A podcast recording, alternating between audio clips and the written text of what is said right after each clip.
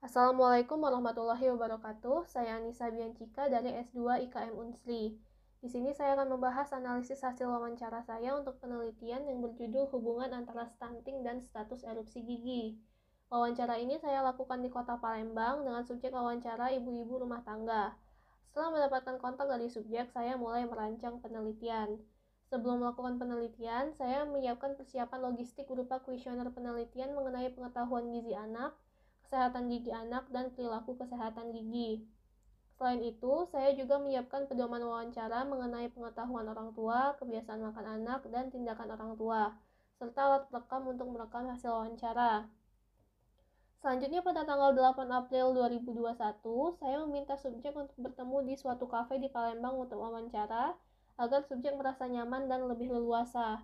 Di sini saya melakukan trust building dan in-depth interview dengan subjek. Topik wawancara yang saya lakukan saya bagi menjadi empat, yaitu pengetahuan orang tua tentang stunting, kebiasaan makan anak, kesulitan makan anak, dan pengetahuan orang tua tentang pertumbuhan gigi anak. Saya akan mulai dari topik pertama, yaitu pengetahuan orang tua tentang stunting. Jadi stunting itu didefinisikan sebagai keadaan tubuh pendek atau sangat pendek yang tidak sesuai dengan usianya, yang terjadi akibat kekurangan gizi dan penyakit berulang dalam waktu yang lama pada masa janin hingga berusia 2 tahun pertama kehidupan seorang anak. Menyebabkan balita mengalami stunting antara lain adalah berat badan lahir rendah, konsumsi makanan yang mengandung rendah energi dan protein, eh, lalu mengalami penyakit diare dan ispa. Sedangkan untuk faktor yang tidak langsung, itu adalah konsumsi aksi eksklusif, imunisasi tidak lengkap, dan karakteristik keluarga berupa pendidikan orang tua, pekerjaan orang tua, serta status ekonomi keluarga. Akibat dari kondisi ini antara lain adalah hilangnya potensi pertumbuhan fisik, menurunnya perkembangan saraf dan juga fungsi kognitif, serta peningkatan risiko penyakit kronis di masa depan. Namun menurut wawancara yang telah dilakukan, dua dari tiga orang ibu tidak familiar dengan istilah stunting maupun faktor penyebab dan akibatnya pada anak. Pengetahuan terhadap stunting hanya terbatas pada keadaan tubuh anak yang terlihat pendek jika dibandingkan dengan anak yang lain. Berikut adalah kutipan dari wawancara dari Ibu Ana, Ibu Lina, dan Ibu Rita mengenai pengetahuan tentang stunting. Uh, stunting, saya kurang tahu sih. Uh, kalau istilah anak pendek familiar? Uh, ya pernah dengar lah, tapi saya kurang paham juga. Oke, okay. jadi kira-kira tahu nggak ya Bu ya faktor-faktor yang mempengaruhi mengapa anak itu bisa tumbuh pendek? Saya taunya kurang kalsium sama kurang gizi aja sih. Oke terus tahu nggak bu akibatnya uh, akibat dari kondisi pendek itu ke anak? Ya ya, ya jadi kurang nutrisi kurang kurang tinggi. Ah, oke. Okay. nggak tahu ya. Kalau sama uh, istilah anak pendek familiar nggak?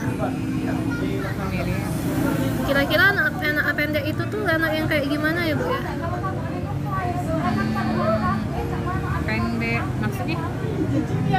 anak pendek kecil. Uh. ya kecil ya. Kira-kira apa sih yang menyebabkan anak itu bisa pendek? Uh, mungkin kurang apa itu kalau yang susu tinggi itu? Uh. Uh, apa itu namanya? Terus selain itu ada lagi? Uh, kurang bergantung kali ya ada lagi bu. Udah itu ya oke terus akibatnya dari anak pendek itu apa? Uh, kalau anak pendek itu biasanya ya uh, dia lebih apa kayak apa itu menghindar dari teman-teman yang lain biasanya kayak gitu kan. Uh, apa ya? Terus uh, apa dia istilah kata minder minder. terus selain itu itu aja itu aja oke okay. kalau yang saya ketahui bahwa stunting itu kurang gizi uh, oke okay. uh, terus uh, bentukan anak yang stunting itu tahu nggak ya bu seperti apa kurus huh? lambat pertumbuhan oke okay. uh, kira-kira faktor yang menyebabkan anak bisa stunting itu apa ya bu ya dimulai dari ibunya yang tidak paham gizi. Mm-mm. Kemudian juga selain itu mungkin orang tuanya selain tidak paham juga tidak ada ditunjang dari segi ekonomi Mm-mm. atau ekonominya agak kurang. Jadi untuk menyediakan makanan bergizi eh, cukup susah. Oke. Eh, terus ada lagi Ibu selain itu? Eh, mungkin juga karena kebiasaan, Mm-mm. kebiasaan mengkonsumsi bahan-bahan makanan yang tidak sehat. Oke. Contohnya apa, Bu? seperti makan mie instan seperti itu kan sering kita ibu-ibu eh, karena malas masak anaknya dikasih mie aja Mm-mm. atau dia pada saat hamil di- makan mie aja cukup kenyang aja udah begitu Oke. Baik, ada lagi Ibu yang lainnya? Hmm, segitu aja bu Selanjutnya untuk topik kedua yaitu kebiasaan makan anak. Jadi masalah stunting ini dipengaruhi oleh rendahnya akses terhadap makanan dari segi jumlah dan kualitas gizi, serta sering kali tidak beragam. Asupan gizi yang masuk harus lengkap dan berimbang. Bagi anak-anak dalam masa pertumbuhan, memperbanyak sumber protein sangat dianjurkan. Di samping tetap membiasakan mengkonsumsi buah dan sayur. Dalam satu porsi makanan, setengah piring harus diisi oleh sayur dan buah, setengahnya lagi diisi dengan sumber protein, baik nabati maupun hewani, dengan proporsi lebih banyak daripada karbohidrat. Masing-masing keluarga subjek memiliki kebiasaan makanan yang berbeda-beda, sebagai berikut. Ya, saya sih selalu usahain makan ada makan sayur ada makan ya makan nasi tentunya terus ada daging juga ya gitu deh pokoknya Lalu berapa kali sehari anaknya makan bu di rumah? Ah, ya sarapan makan siang makan makan siang biasanya di sekolah tapi karena pandemi ya jadi di rumah ya Oke. sama makan malam ya tiga Baik. kali itu Terus eh, biasanya selain makan tiga kali itu anaknya ada kebiasaan jajan di luar nggak? saya sih nggak sarankan karena eh, kalaupun sekolah biasanya saya bawain bekal bekalnya juga termasuk snack juga gitu Eh, tapi ya kadang-kadang mereka jajan juga lah biasa anak-anak ya baik. Eh, itu biasanya makanan yang dimakan oleh anak-anak lebih banyak makanan instan seperti mie instan atau nugget atau ibu masak sendiri. lumayan sering sih makan makan nugget sosis terutama kalau mau bawain sekolah soalnya kan butuh cepet ya Iya. ya jadi makanan instan lumayan banyak sih yang bener-bener makanan beneran itu ya pas malam itu Baik. Hmm, makannya Eh, ya biasa pagi Terus? siang sore eh si- pagi siang sore malam Terus? paling susu Paling susu ya. ya. Itu yang biasa dimakan apa aja bu? Lauknya? oh biasa kalau kan karena masih kecil jadi makannya masih bubur kayak gitu bubur sama dikasih apa kentang paling wortel kayak gitu aja Enggak, maksudnya anak yang itu anak yang udah SD, adiknya yang udah Oh. SD. adiknya SD Iya, makannya biasa biasa. Maksudnya em, apa namanya lauknya sering apa ibu? telur Telur terus selain telur apa? tempe Terus lebih favoritnya itu sih ada apa namanya makan sayur-sayuran. sayur ya Sayur apa biasanya? bayam sayur katu kayak gitu aja. Terus sering itu nggak makan makanan kemasan nggak kayak mie instan, nugget. iya iya Lebih sering makan makanan kemasan kayak gitu atau makanan masakan rumah?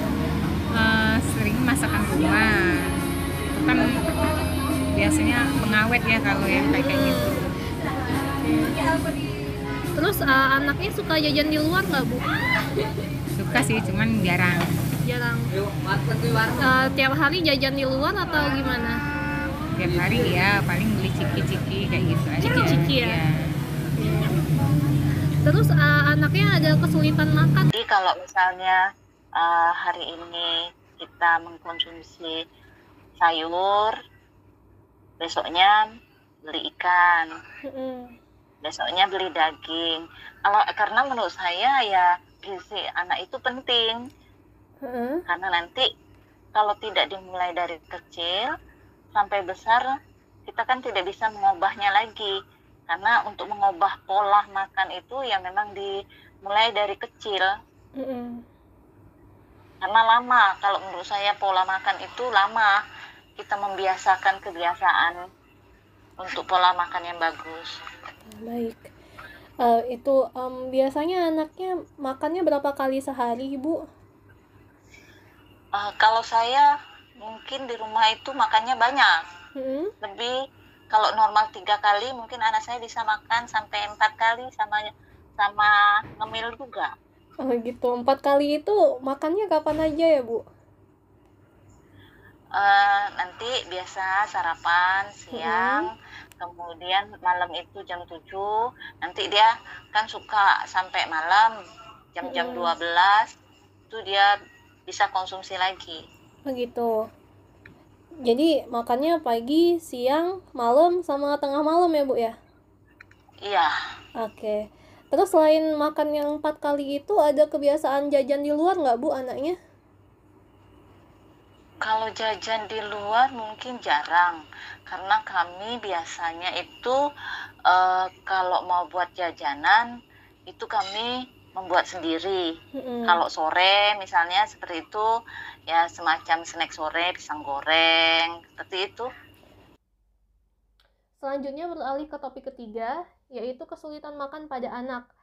Kesulitan makan adalah gangguan makan atau penolakan makanan sehingga tidak mampu memenuhi kebutuhan nutrisi. Contohnya seperti penerimaan makanan yang kurang, makanan tidak ditelan, tidak ada nafsu makan, ada keterlambatan keterampilan makanan, menolak makan, kebiasaan makan yang aneh, tidak mau makan nasi, dan cepat bosan dengan makanan yang diberikan. Yang perlu dilakukan oleh orang tua adalah menghindari pemberian porsi makanan yang terlalu banyak, tidak memberikan makanan manis sebelum makan, diberikan makan baru minum, tidak memaksa anak, memujuk untuk mengkonsumsi, tidak menghukum fisik, tidak cemas waktu memberi makan, tidak harus di meja makan, dan tidak memaksa makanan yang tidak disukai. Pada masing-masing keluarga subjek, sebagian besar anak susah untuk makan sayur. Untuk mengatasi hal ini, para ibu memiliki caranya masing-masing. Eh, ya kadang-kadang eh, ya suka pilih-pilih makan kadang-kadang nggak dihabiskan itu sayurnya gitu. Terus eh, biasanya kalau anaknya nggak ngabisin sayurnya itu eh, ada tindakan apa ya bu ke anaknya? ya mau gimana lagi ya ya saya saya bilangin aja sih lain kali di- dihabisin kadang dihabiskan kadang ya enggak gitu Baik. Terus selain sayur-sayuran ada lagi bu yang anaknya nggak bisa makan atau kurang suka makan? Eh, anaknya kurang suka susu sih Kurang suka dia susu? iya dia suka mual gitu Oh gitu. Jadi untuk pengganti susu ibu lakukan apa bu ke anaknya? saya kasih vitamin sirup gitu Scott Emulsion yang yang oranye itu loh yang minyak ikan itu Oh gitu. Itu kira-kira kandungan dari Scott Emulsion itu apa ya bu ya? Saya kurang riset ya pokoknya saya yang penting ada pengganti vitamin gitu Oh baik. Eh, insya Allah ini enggak Eh, anaknya suka pilih-pilih makanan atau ada makanan yang anaknya nggak bisa makan? suka semua memang enggak lah memang suka makan Begitu. Oke. Kalau sayur makan juga ya anaknya? iya Oke. Kalau sampai dewasa enggak, tapi waktu kecil mungkin iya. Karena waktu kecil itu Heeh. eh waktu kecil itu memang kalau anak kecil itu kan agak susah makan sayur. Mm-mm. Eh, tapi saya karena dari udah dengar-dengar juga dari teman, kemudian juga udah baca-baca buku bahwa eh, sayur itu penting, maka biasanya sayur itu saya eh, bukan sayur utuh, tapi saya sudah olah kembali menjadi bahan makanan yang eh, di dalamnya terkandung sayur, seperti eh, dibuat bola-bola daging atau dibuat snack untuk dicampur dengan rasa keju yang mereka suka. Jadi akhirnya mereka makan sayur juga akhirnya. Oh gitu. Selain sayur-sayuran ada lagi nggak bu yang anaknya nggak bisa makan atau anaknya ada alergi? Ada alergi? Saya rasa nggak ada. Nggak ada ya? Ya. Oke. Selanjutnya adalah topik terakhir yaitu pengetahuan orang tua tentang pertumbuhan gigi anak. Erupsi gigi diartikan sebagai pergerakan gigi pada tempat pembentukannya di dalam tulang alveolar ke arah dataran oklusal pada kavitas oral. Usia 6-7 tahun merupakan usia di mana gigi permanen erupsi untuk pertama kalinya dan bertahap seiring dengan bertambahnya usia. Kemudian pada usia 10-12 tahun, periode gigi bercampur akan mendekati penyempurnaannya ke periode gigi permanen. Erupsi gigi yang paling akhir adalah molar ketiga rahang atas dan rahang bawah, yaitu saat usia 17-21 tahun. Status gizi yang buruk pada anak stunting dapat menyebabkan malnutrisi yang kemudian berdampak terhadap pertumbuhan tulang.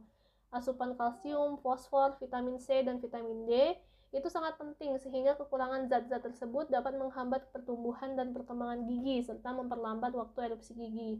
Proses pertumbuhan tulang yang terhambat akan mengakibatkan proses maturasi tulang periodontal yang mendukung gigi terhambat pertumbuhannya, sehingga anak dapat mengalami keterlambatan erupsi gigi.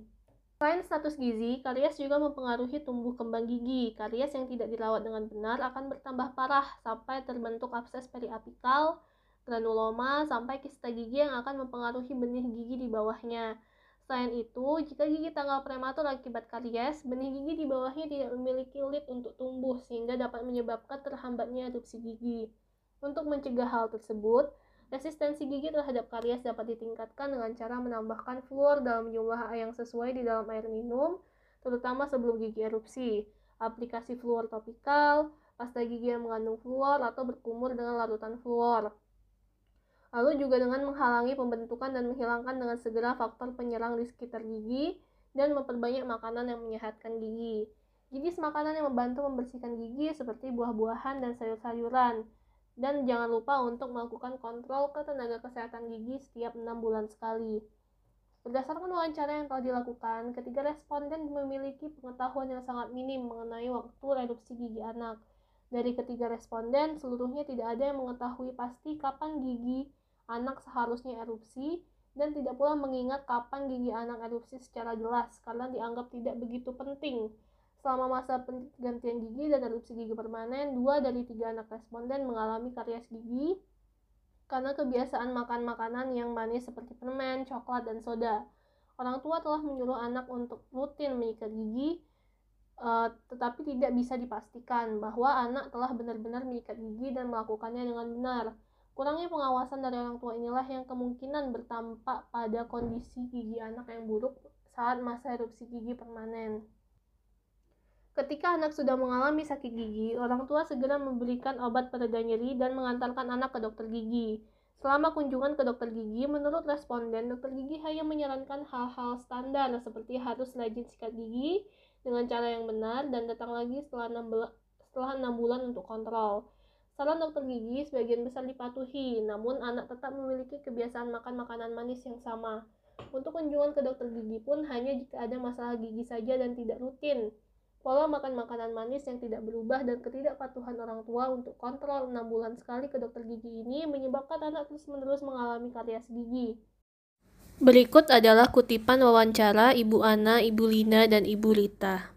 Yang saya ketahui ya cuma ya kalau anak-anak tuh awalnya dia ada ada gigi susu terus ya nanti gigi susunya bakal tanggal digantikan sama gigi permanen. Itu aja sih. Oke. Okay. uh, eh, kira-kira tahu nggak bu kapan gigi susu itu mulai tumbuh? Anaknya uh, kapan mulai tumbuh giginya? Saya kurang saya nggak inget sih. Uh, mungkin sekitar ya umur umur dua ya tahun ya dua tahun ya, ya. oke okay. uh, eh, terus katanya tadi kan gigi susunya tanggal tuh iya. kira-kira ya. kapan gigi susu ibu eh anak ibunya tanggal uh, sekitar umur empat tahun empat tahun ya, ya. terus setelah itu ada gigi baru lagi iya iya uh, itu anak ibu sam uh, gigi barunya tumbuh terus sampai kapan bu selesai tumbuhnya uh, sampai sampai akhir SD gitu. Yeah. umur ya umur umur 8 9 gitu kan. Gitu ya? Ya oke okay, terus uh, selama periode pertumbuhan gigi itu kondisi gigi anak ibu gimana? Ya kadang kadang bolong-bolong kadang em, ya emang gigi susu kan lebih rapuh daripada gigi permanen ya jadi lebih jadi gitu. Ya bolong-bolong. Kira-kira penyebab gigi anak ibu bolong-bolong itu kenapa ya bu ya? Karena ya mungkin karena anaknya agak males sikat gigi kalian bisa juga nggak bisa ngawasin terus kan Nah, gitu. Eh, terus selain itu ada lagi bu kira-kira penyebab lainnya? Eh, karena mungkin karena minumannya juga eh, suka minum minum sirup atau apalah gitu makan Sikat gigi anaknya tidak teratur ya? Iya nggak teratur. Kadang eh, kadang-kadang harusnya kan sudah sarapan kan. Nah ini biasanya sebelum sarapan soalnya nggak sempet. Oh gitu. Jadi nggak daripada nggak sikat gigi ya daripada, jadi sebelum sarapan aja. Terus kalau malam-malamnya? Malam-malam ya ya lumayan konsisten sih. Tapi kadang ya bolong-bolong juga. gitu. Jadi eh, dengan kondisi gigi anak yang bolong-bolong itu eh, apa tindakan dari ibu? Biasanya kalau dia sakit gigi ya ke dokter gigi. Langsung ke dokter gigi ya? Iya. Terus itu bu waktu apa namanya gigi anak ibu copot-copot itu, itu langsung ke dokter gigi juga atau ada yang dicabut sendiri? Enggak langsung ke dokter gigi. Saya nggak berani. Oh gitu. Jadi kalau misalkan ada masalah apa-apa sama gigi anaknya langsung ke dokter gigi aja. Iya. Oke. Terus selama ke dokter gigi itu pernah ada catatan dari dokter giginya misalnya eh, yang disarankan oleh dokter gigi untuk dilakukan? Eh, ya biasanya ya standar standar gitu apa jangan lupa sikat gigi terus eh, ganti sikat gigi tiap enam bulan Em, sama apa kurangin makanan manis gitu Itu aja ya. gitu ya ya itu aja Eh, terima kasih Bu Ana atas waktunya. iya sama-sama Iya. Kira-kira gigi itu eh, tumbuhnya gimana dari kecil? Ibu memperhatikan nggak? Pastinya kalau dari kecil itu kan eh, tumbuhnya dari depan dulu ya dari bawah isu bawah. Biasanya baru ke atas kayak gitu. Merambat kayak gitu aja sih. Ibu tahu eh, gigi susu, gigi permanen? Enggak. Kalau misalkan anak itu kan biasanya dia tuh eh, pertama giginya tumbuh, terus eh, giginya tanggal lepas, terus tumbuh gigi baru lagi kan ya? iya Kita tahu yang itu. tahu Oke. Kira-kira anaknya eh, dulu kapan mulai tumbuh gigi? tumbuh gigi itu um, tujuh bulan kali ya Gitu ya. Terus kalau apa namanya giginya mulai lepas-lepas itu kapan? Itu udah biasanya ya Hah? eh, dua tahunan kan anak-anak kan suka makan permen kayak gitu gigi gigi hitam itu kan lama-lama dia keropos sendiri kan hitam ya. Terus waktu giginya mulai ganti ke gigi permanen itu kira-kira kapan tumbuh lagi giginya habis yang lepas-lepas itu?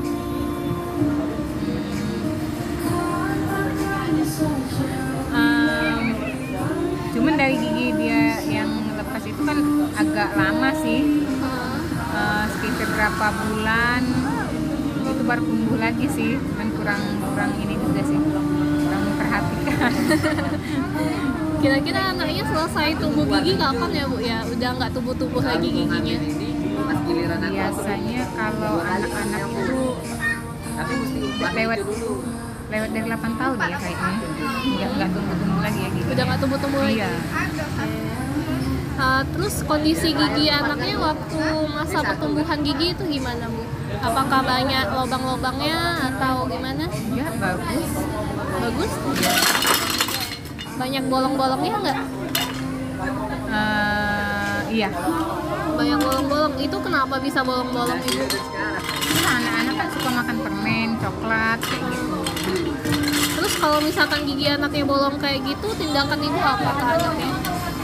paling dari anaknya suka mengeluh sakit gigi kan kalau keseringan makan permen dan coklat itu solusinya ya dibawa ke dokter jangan sampai dia kesakitan kan kasihan Terus sebelum ke dokter ada tindakan lain dari ibunya? enggak Enggak. Dia kalau misalkan anaknya sakit gigi langsung ke dokter. iya Oke. Terus kalau misalkan pas anaknya giginya lepas-lepas itu, itu cabutnya cabut sendiri atau ke dokter lagi? ke dokter lagi Ke dokter lagi ya. Oke. Terus selama kunjungan ke dokter gigi itu pernah ada catatan dari dokter gigi apa yang harus dilakukan atau yang harus tidak dilakukan oleh ibu? Eh, enggak Nggak ada ya. Jadi masuk ke dokter gigi, perawatan terus langsung pulang. iya Bu. dari kecil dari pertumbuhannya waktu kecil ya Heeh. eh biasanya anak-anak itu kalau waktu kecil itu kan suka men- eh, mengkonsumsi permen Heeh. itu kan sebenarnya eh, membuat gigi jadi berlubang Heeh. tapi namanya juga anak-anak kadang dia tidak bisa dibatasi pola makan permennya itu nah sama saya saya katakan kalau sudah benar-benar mau makan permen Hmm. udah keseringan benar saya katakan ya tetap harus patuh untuk sikat gigi kalau tidak ya harus berobat ke dokter gigi Heeh. Oke. makan yang manis-manis seperti itu kayak gitu Mm. Eh, terus eh, dulu anaknya pertama kali tumbuh gigi usia berapa bu? sekitar umur 9 bulan ada yang satu tahun lebih juga ada Oke. anaknya bukan tiga Mm. nah jadi ya berbeda-beda gitu Bedanya gimana maksudnya? ya maksudnya ada yang 9 bulan udah gigi udah tumbuh Mm. tumbuh dua tiga seperti itu ada yang setelah dia jalan ya sekitar umur setahunan baru tumbuh gigi Oh gitu. ya Oke. Eh, itu eh, ada yang beda nggak bu? Anaknya yang tumbuh gigi umur 9 bulan sama yang baru tumbuh gigi umur satu tahun perlakuannya? Maksudnya dari pola makannya ada yang beda nggak bu? Atau dari pembeli pemberian asinya? Hmm, enggak, saya enggak terlalu perhatikan. Yang saya perhatikan begini, kalau anak yang cepat tumbuh gigi, Mm-mm. biasanya jalannya agak lambat Oh, untuk gitu. mulai jalannya, maksudnya. Heeh. Tapi kalau dia jalan dulu, giginya yang lambat, gitu. Kalau yang saya perhatikan. Oh gitu, oke. Terus eh, dari anaknya mulai tumbuh gigi itu kan eh, terus ada periode di mana anak itu giginya mulai lepas-lepas ya bu ya. Mm. Nah itu mulai lepas-lepasnya kapan bu? SD, SD. SD, SD kelas-kelas 2, kelas 1, SD. Mm-mm. itu udah mulai-mulai dia eh giginya copot Mm-mm. goyang-goyang Mm-mm. ya seperti itu Oke. Terus eh, giginya kan yang copot-copot itu kan tumbuh lagi ya bu ya? ya Ya itu eh, kira-kira selesai tumbuh lagi nggak ada yang nggak ada lepas-lepas lagi terus sudah tumbuh semua gigi penggantinya itu kira-kira kapan bu? kira-kira kapan ya waktu itu ya eh benar-benar enggak dia jadi ini benar ya Iya. artinya dia udah Permanen ganti seperti itu iya ya? iya udah permanen semua kalau geraham bungsunya itu lama tuh. Ya umur 18-an tapi kalau dia permanen benar itu sekitar SMP SMP kelas? Kelas-kelas 1 oh, udah gitu. nggak ini lagi. Baik Heeh. terus selama ini bu selama pergantian gigi susu sama gigi permanennya itu kondisi giginya gimana ya bu? Apakah banyak lubangnya atau ada penyakit mulut atau gigi lainnya? Hmm, tidak juga saya melihatnya tidak.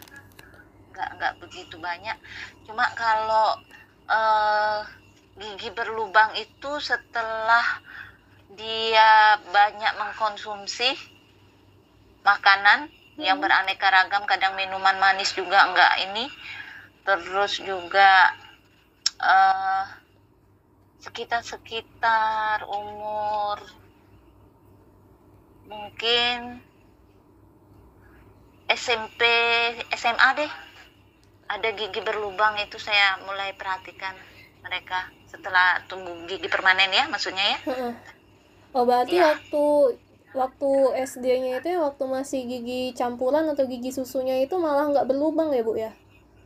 iya setelah dia banyak makan yang lain Heeh. kemudian manis juga minuman-minuman ya namanya juga anak-anak eh, seumuran itu ya Mhm. SMP SMA itu banyak jajan juga di luar juga karena dia eh, di sekolah juga punya banyak teman-teman ya mungkin ya Mhm, nah iya. itu dengan minum yang ada yang soda ada yang manis seperti itu saya perhatikan Itu baru mulai itu ya bu ya mulai banyak Iya. lubangnya. Iya Oke. Terus eh, tindakan dari ibu dari gigi anaknya yang mulai banyak berlubang itu apa bu? ya ke dokter gigi karena karena sakit ya Heeh. Eh, di ini Oke. Eh, selain ke dokter gigi ada tindakan lain nggak bu? Kalau untuk yang berlubang benar seperti itu nggak ada nggak ada yang lain ya harus ke dokter gigi. Tapi kalau dia suka ada juga eh, sebelum dia berlubang benar itu yang ini eh, sakit-sakit seperti itu ada juga Heeh. di di ini kan obat ini aja obat sakit gigi biasa. Oh pereda nyeri aja ya bu ya? Iya. Oh, gitu. Oke. Terus em, selama kunjungan ke dokter gigi itu setelah perawatan itu kan biasanya ada eh, saran yang dikasih dokter gigi atau ada catatan-catatan tersendiri dok dari dokter giginya. Kira-kira ada nggak ya bu? Ya paling di si dokter gigi mengatakan ya harus rajin gosok gigi, gosok gigi dengan cara yang benar. Seperti itu yang disarankan dokter gigi dan jangan lupa nanti eh, tiga bulan atau enam bulan kemudian datang lagi ke tempat dokter gigi untuk melihat ininya giginya. Oke. Terus eh, saran dari dokter gigi itu dipatuhi nggak bu? Kadang dipatuhi, kadang tidak. Oke. Yang dipatuhi yang mana? Yang dipatuhi itu yang ini, yang apa namanya wanti-wanti untuk gosok gigi supaya nggak berlubang. Karena dia kalau sakit e, berlubang itu bener-bener dia e, rasa sakitnya itu yang nggak nggak ampun. Nah, tapi kalau makan manisnya itu masih terus dijalankan. Ah, baik. Nah, terus untuk kunjungan ke dokter giginya rutin setiap enam bulan sekali atau kalau ada masalah gigi aja?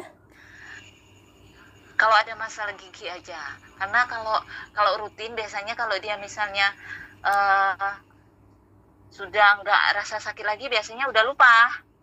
Gitu. Kayak gitu. Heeh. Ah, tapi kadang eh, setahun sekali itu pembersihan karang gigi. Oh, iya iya. Ah. Kondisi gigi yang buruk saat masa erupsi gigi permanen akan mempengaruhi perkembangan gigi anak untuk seterusnya. Dari wawancara ini dapat disimpulkan bahwa tingkat pengetahuan orang tua mengenai stunting dan erupsi gigi pada anak masih sangat minim dan diperlukan edukasi lebih lanjut mengenai masalah kesehatan tersebut di masa mendatang.